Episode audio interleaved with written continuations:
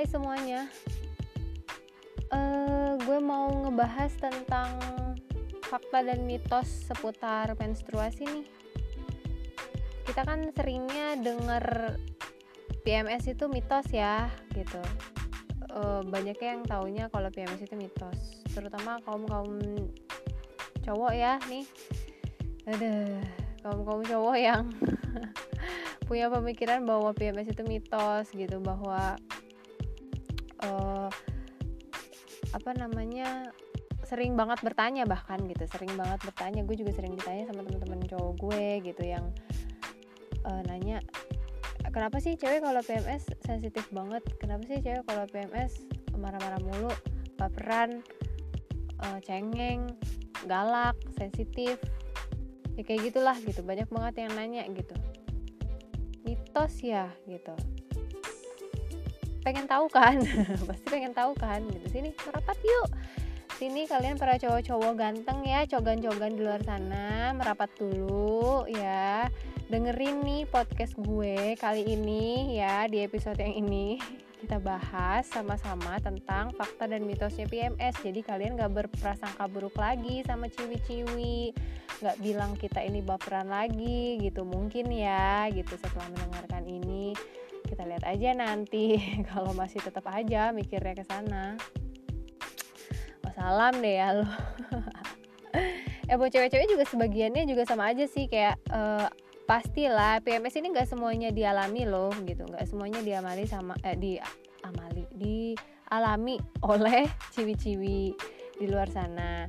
Ada sebagian dari mereka yang memang normal gitu nggak merasakan apa-apa gitu kayak terus uh, mereka tuh yang sering banget bilang gitu ya ah gue biasa aja tuh ah gue nggak gitu gue nggak sakit kok gue nggak gini kok gitu.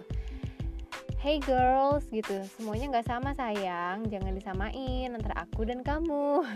Kita kan fisik juga beda semuanya juga pasti beda dong gitu. Nggak usah sok-sokan disamain nggak usah sok-sokan apa ya uh, apa sih me merasa uh, dirinya benar atau gimana gitu nggak nggak gitu sih gitu. Maksudnya harusnya sih seharusnya gitu sebagai sesama perempuan tahulah gitu masalah ini gitu. Toh kan dibahas juga di di pelajaran kayak ada pasti gitu. Bahwa ini tuh memang PMS ini fakta. Maksudnya ada studinya pun ada gitu.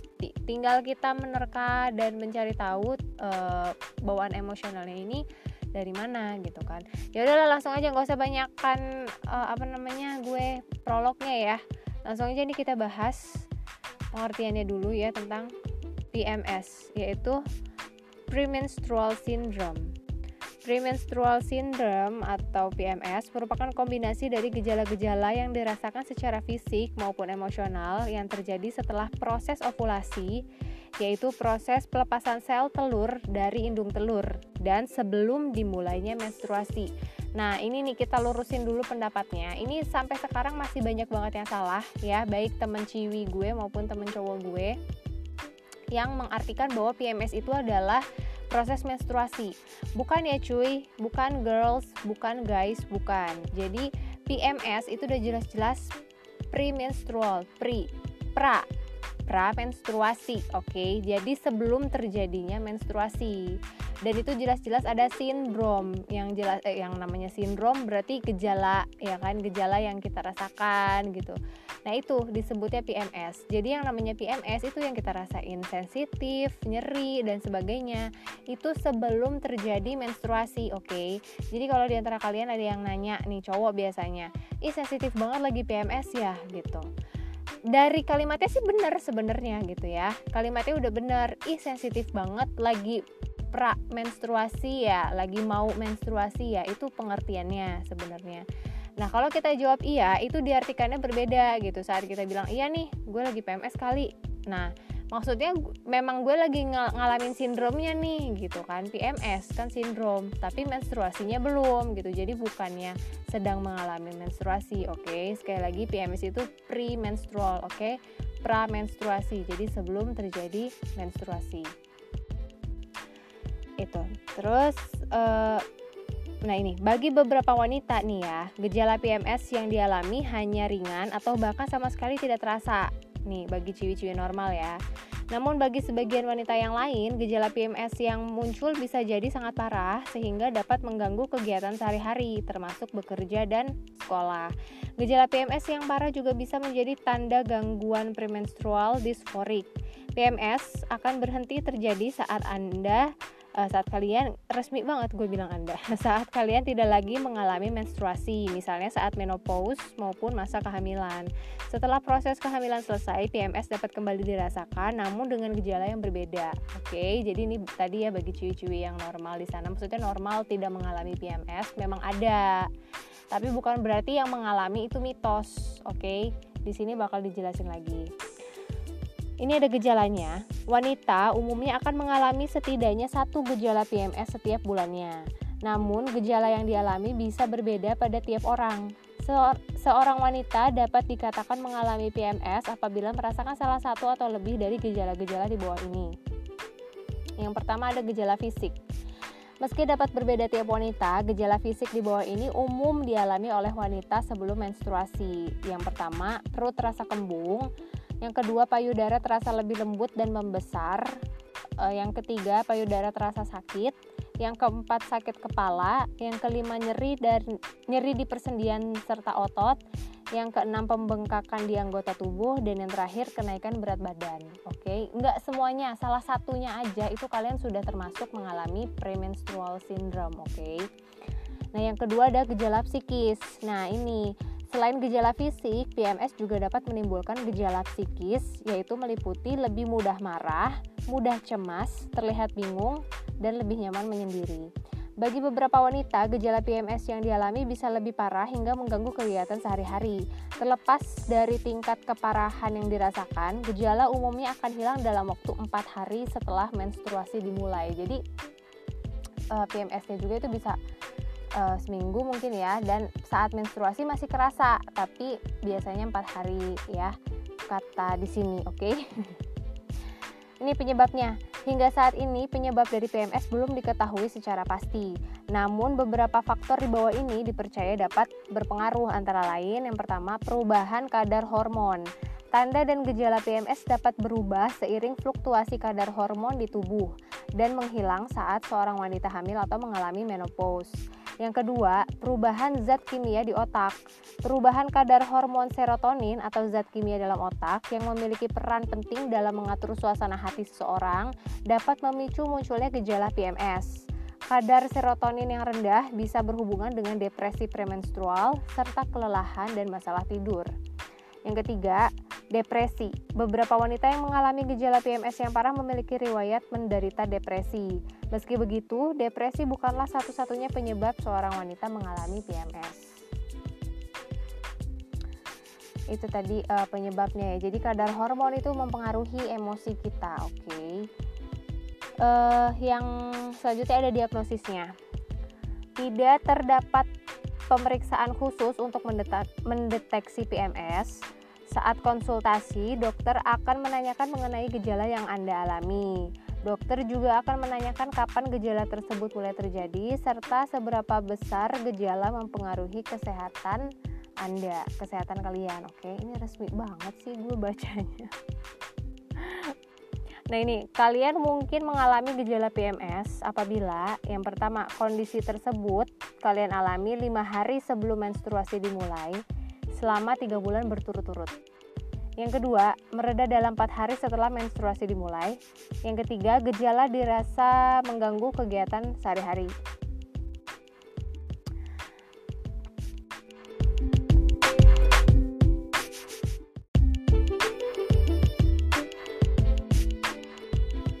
Ini ada perawatannya. Jika gejala PMS yang kalian alami tidak terlalu parah, perubahan gaya hidup atau pola makan dipercaya dapat membantu meredakan kondisi tersebut. Olahraga seperti lari, bersepeda, dan berenang juga diyakini mampu membantu dalam mengurangi rasa rasa lelah serta depresi yang muncul sebagai gejala PMS. Kalian juga bisa mengubah pola makan untuk meredakan gejala PMS. Eh, berikut tips yang bisa kalian ikutin. Yang pertama, konsumsi makanan yang kaya akan karbohidrat kompleks, seperti roti gandum, nasi merah, atau kacang-kacangan. Jenis makanan ini dipercaya dapat membantu mengurangi gangguan suasana hati serta mengatur nafsu makan. Yang kedua, konsumsi makanan yang kaya akan kandungan kalsium seperti yogurt dan sayuran hijau. Yang ketiga, kurangi konsumsi makanan berlemak, gula, serta garam. Yang keempat, hindari mengkonsumsi kafein serta alkohol.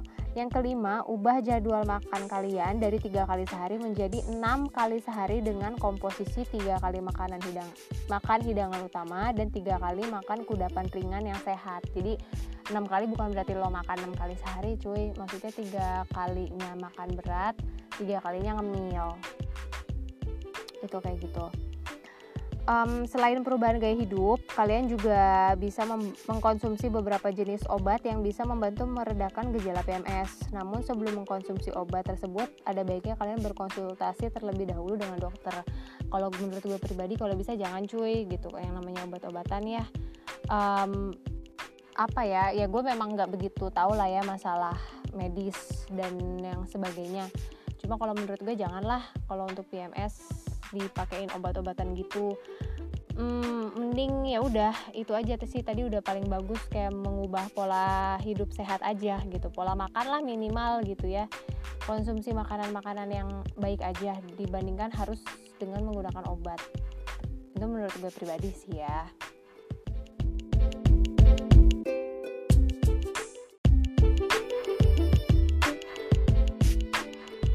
Itu tadi ada uh, pengertian dan penjelasannya mengenai PMS ya. Nah sekarang gue mau ngebahas tentang mitos atau faktanya. Ini lebih ke ciwi-ciwi biasanya nih kita sering digalaukan ya cuy. Kalau tadi pengertiannya uh, khususnya itu untuk cowok-cowok ya. Jadi uh, jelas-jelas PMS itu beneran ada ya cuy.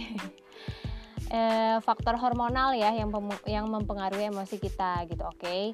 nah sekarang untuk kaum kaum ciwi-ciwinya nih yang mengalami menstruasi sendiri ini kita sering banget dibikin ambigu ya dengan fakta atau mitos eh, seputar menstruasinya oke okay? ini kita bahas yang pertama uh, mitos ada mitos apa aja sih tentang menstruasi yang pertama mitos tidak boleh cuci rambut saat menstruasi alias keramas katanya nggak boleh Nah, faktanya, menjaga kebersihan diri adalah hal terpenting ketika sedang menstruasi. Begitu pula termasuk dengan mencuci rambut, karena kebersihan kulit kepala ketika sedang menstruasi harus lebih dijaga akibat adanya perubahan hormon. Bahkan mandi dan keramas setiap hari ketika menstruasi membuat badan terasa segar serta melindungi tubuh dari bakteri, infeksi, dan bau. Jadi memang ada perubahan hormon dan lebih uh, apa ya kulit kepala itu lebih mudah berminyak. Makanya saat menstruasi itu kerasa banget e, rambut kayak cepet kotor, cepet lengket, makanya pengennya keramas. Nah, sedangkan selama ini kita selalu dibikin bingung dengan mitos yang katanya nggak boleh keramas, bikin sakit kepala dan sebagainya. Tapi ini enggak ya guys, e, enggak ya ciwi-ciwi, girls. E, jadi boleh, boleh-boleh aja kalau mau keramas.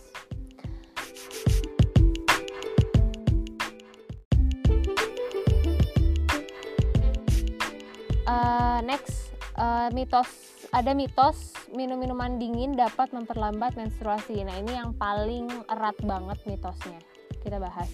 Faktanya, menstruasi berhubungan dengan sistem reproduksi wanita, sedangkan minum dan makanan berhubungan dengan sistem pencernaan. Singkatnya, dua sistem tersebut berbeda, yaitu sistem reproduksi dan sistem pencernaan yang berpisah dan tidak ada hubungan satu sama lainnya. Oke. Okay. Ini artinya secara medis tidak benar ada pengaruh antara minum-minuman dingin yang kalian konsumsi e, saat sedang haid dengan gangguan pada menstruasi. Apalagi disebut-sebut dapat menyebabkan adanya pembekuan darah. Hal itu juga hanya kesalahan cara pandang masyarakat. Sebab siklus menstruasi diatur oleh hormon estrogen dan progesteron. Terlambatnya menstruasi terjadi saat hormon se hormon seorang wanita sedang tidak seimbang yang dapat dipengaruhi dari beberapa faktor fisik seperti kelelahan, stres, dan juga penyakit. Nah ini jadi sering banget ini sih yang paling uh, big issuesnya ya. Kalau minum minuman dingin itu bisa uh, membekukan darah katanya gitu. Nah ternyata beda cuy sistem ini juga beda yang satu pencernaan yang satu kan uh, dari apa nih tadi kata dia gue jadi uh, lupa lagi deh jadi yang satu sistem reproduksi yang satu sistem pencernaan jadi itu jelas-jelas berbeda oke okay? uh, terlambatnya datang menstruasi itu dipengaruhi oleh tadi ya faktor fisik seperti kelelahan, stres dan juga ada faktor penyakit.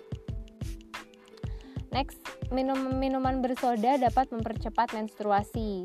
Faktanya, ini dikutip dari The Sun, minuman bersoda sering digunakan hampir oleh wanita yang sedang menstruasi untuk memperlancar haidnya. Pendapat ini ternyata dipatahkan oleh penelitian yang ternyata tidak ada hubungannya sama sekali minuman bersoda dengan hormon dan faktor psikis lainnya. Oke, jadi nggak ngefek ternyata. Menstruasi yang tidak lancar dapat diakibatkan adanya faktor internal, yaitu hormon yang bertugas mengatur siklus menstruasi tidak seimbang, dan hal ini dapat dipengaruhi oleh keadaan stres dan perubahan berat badan. Ini membuktikan kepada Anda untuk memperlancar haid tidak ada hubungannya dengan minuman bersoda. Namun tidak disarankan untuk mengkonsumsi minuman bersoda secara rutin dalam jangka panjang karena dapat mempengaruhi keseimbangan nutrisi dalam tubuh yang otomatis dapat mempengaruhi siklus menstruasi.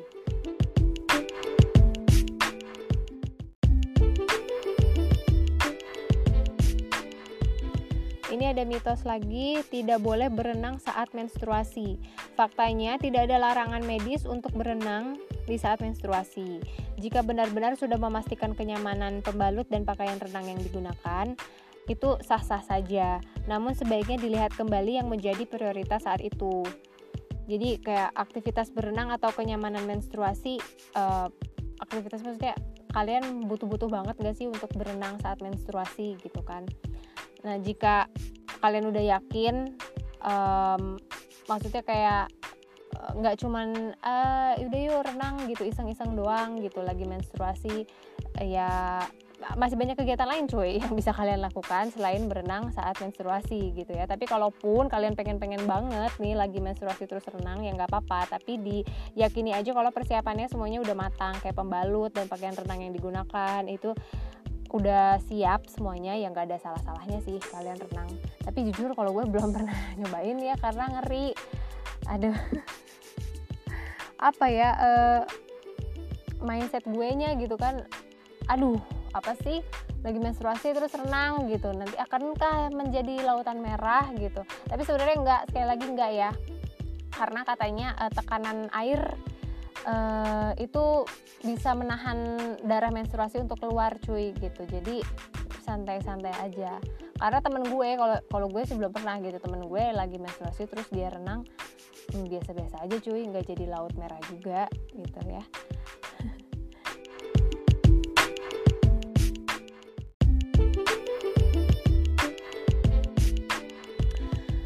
uh, yang terakhir makan buah nanas menyebabkan nyeri haid. Faktanya, saat menstruasi tubuh membutuhkan asupan gizi yang seimbang sehingga penting untuk makan buah dan sayur, daging dan karbohidrat atau nasi dengan porsi yang cukup. Buah-buahan yang mengandung vitamin C seperti jeruk dan nanas baik untuk dikonsumsi saat menstruasi. Nah, itu tadi ada fakta dan mitos ya terkait menstruasinya. Ini biasanya dialami oleh uh, ciwi-ciwi ya. Maksudnya bingung nih ini fakta atau mitos sih gitu. Tadi udah dibahas. Mudah-mudahan dapat pencerahan mudah-mudahan kita nggak salah lagi ya. Dan untuk kaum cowok-cowoknya tadi udah dijelasin ya bahwa PMS itu bukan mitos oke. Okay. ini gue agak-agak sewot juga nih lama-lama. Karena itu dari dulu pembahasannya nggak lain nggak bukan gitu. Setiap cowok pasti nanyanya gitu. Kok sensitif banget lagi PMS ya gitu. Kenapa sih cewek kalau PMS marah-marah mulu hey guys gitu dengerin ini gitu ada faktanya gitu. Dan dan bukan mitos nggak usah nanya mending nggak usah nanya. Nih kayak sekarang lo kena semprot kan? Mungkin gue lagi PMS nih saat ini.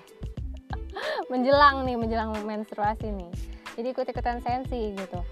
Bingung juga kalau ditanya sebenarnya gitu ya. Uh, kalau gue ditanya kenapa sih cewek kalau lagi PMS uh, bawaannya marah-marah mulu lah. Gue juga nggak tahu cuy. Itu bukan keinginan gue. Gue juga nggak pengen marah-marahin lo gitu ya. Emang lo pikir marah-marah itu nggak nggak ngeluarin tenaga apa gitu? Kesel capek tahu marah-marah gitu ya. Cuma ya mau gimana kan tadi faktor hormonal ya. Itu di luar kendali kita cuy. Oke? Okay? di luar kendali kita. Cuma mungkin memang ya gitu. Ini nggak tahu lah ya. Maksudnya ada mungkin yang hmm, ciwi-ciwinya yang berlebihan gitu ya saat e, merasa sensitif ya gue nggak tahu juga. Mungkin ada yang e, lebay e, meng mengekspresikan amarahnya. Mungkin hanya itu saja yang perlu dikontrol kali ya. Tapi kalau sekedar sensitif itu memang kerasa banget sih kalau dari gue ya. Maksudnya gue ini termasuk orang yang prankster. Jadi mm, gue lebih seneng ngejokes lebih seneng bercanda. Tapi entah kenapa saat gue PMS eh, saat mengalami sindrom itu saat di, di bercandain dikit aja sama temen yang sekiranya sebenarnya bercanda dan itu biasa banget gitu biasa bercanda seperti itu. Tapi e, nyentil nih nyentil nyentil banget gitu di hati gitu. Jadi ah nggak enak banget. Gue sendiri pun gitu yang sebagai uh, kaum hawanya sebagai orang yang memang sudah tahu si sindromnya ini gitu capek sendiri loh cuy gitu. Nggak cuma kalian para cowok yang capek dimarahin gitu ya. Kalau gue pribadi gue juga capek. Capek merasakan pegel hati saat sensitif gitu ya. Beneran deh sumpah gitu. Saat saat disenggol dikit dan senggol bacok gitu ya senggol dikit gue kesinggung capek cuy hati hati gue nya gitu. Eh kayak gini banget sih gitu. Aduh udah kayak gitu gue tahu dia cuma bercanda gitu. Udah lu nggak usah sensitif banget gitu malah jadi kadang emosi juga gitu kan. Ini PMS kapan beres ya sih? Sindromnya kapan beresnya? Udah mendingan langsung menstruasi aja. Kelar gitu kalau gue ya. Kalau untuk gejala uh, fisiknya kayak sakit perut. Dulu gue pernah ngalamin hilang-hilangan gitu sih. Kayak pernah terus eh, nggak uh, ada lagi terus sakit lagi terus nggak ada lagi gitu. Um, ya ya begitu sih. Intinya uh, penjelasannya mudah-mudahan jelas ya untuk para cowok-cowok dan untuk para ciwi-ciwi semoga nggak salah-salah lagi. Semoga tidak menimbulkan perang dunia lagi bagi yang sudah berpasangan ya. Gak usah deh sekali-sekali ngebahas kenapa sensitif gitu ya. Disudahi saja. Uh, ya udah uh, saat ini penjelasannya itu doang. Mudah-mudahan jelas ya. Um, ya udahlah. Apalagi gue suka bingung deh kalau di akhir segmen mau ngomong apa ya gitu udah openingnya gue bingung mau gimana endingnya juga gue bingung mau gimana. Niat nggak sih gue bikin podcast? Nggak tau lah. Ya udah gitu aja ya cuy. Semoga jelas semuanya. Thank you yang udah dengerin ya. Thank you cowok-cowok yang udah merapat ya yang udah menyempatkan waktunya. Sampai ketemu di episode selanjutnya. Dadah bye bye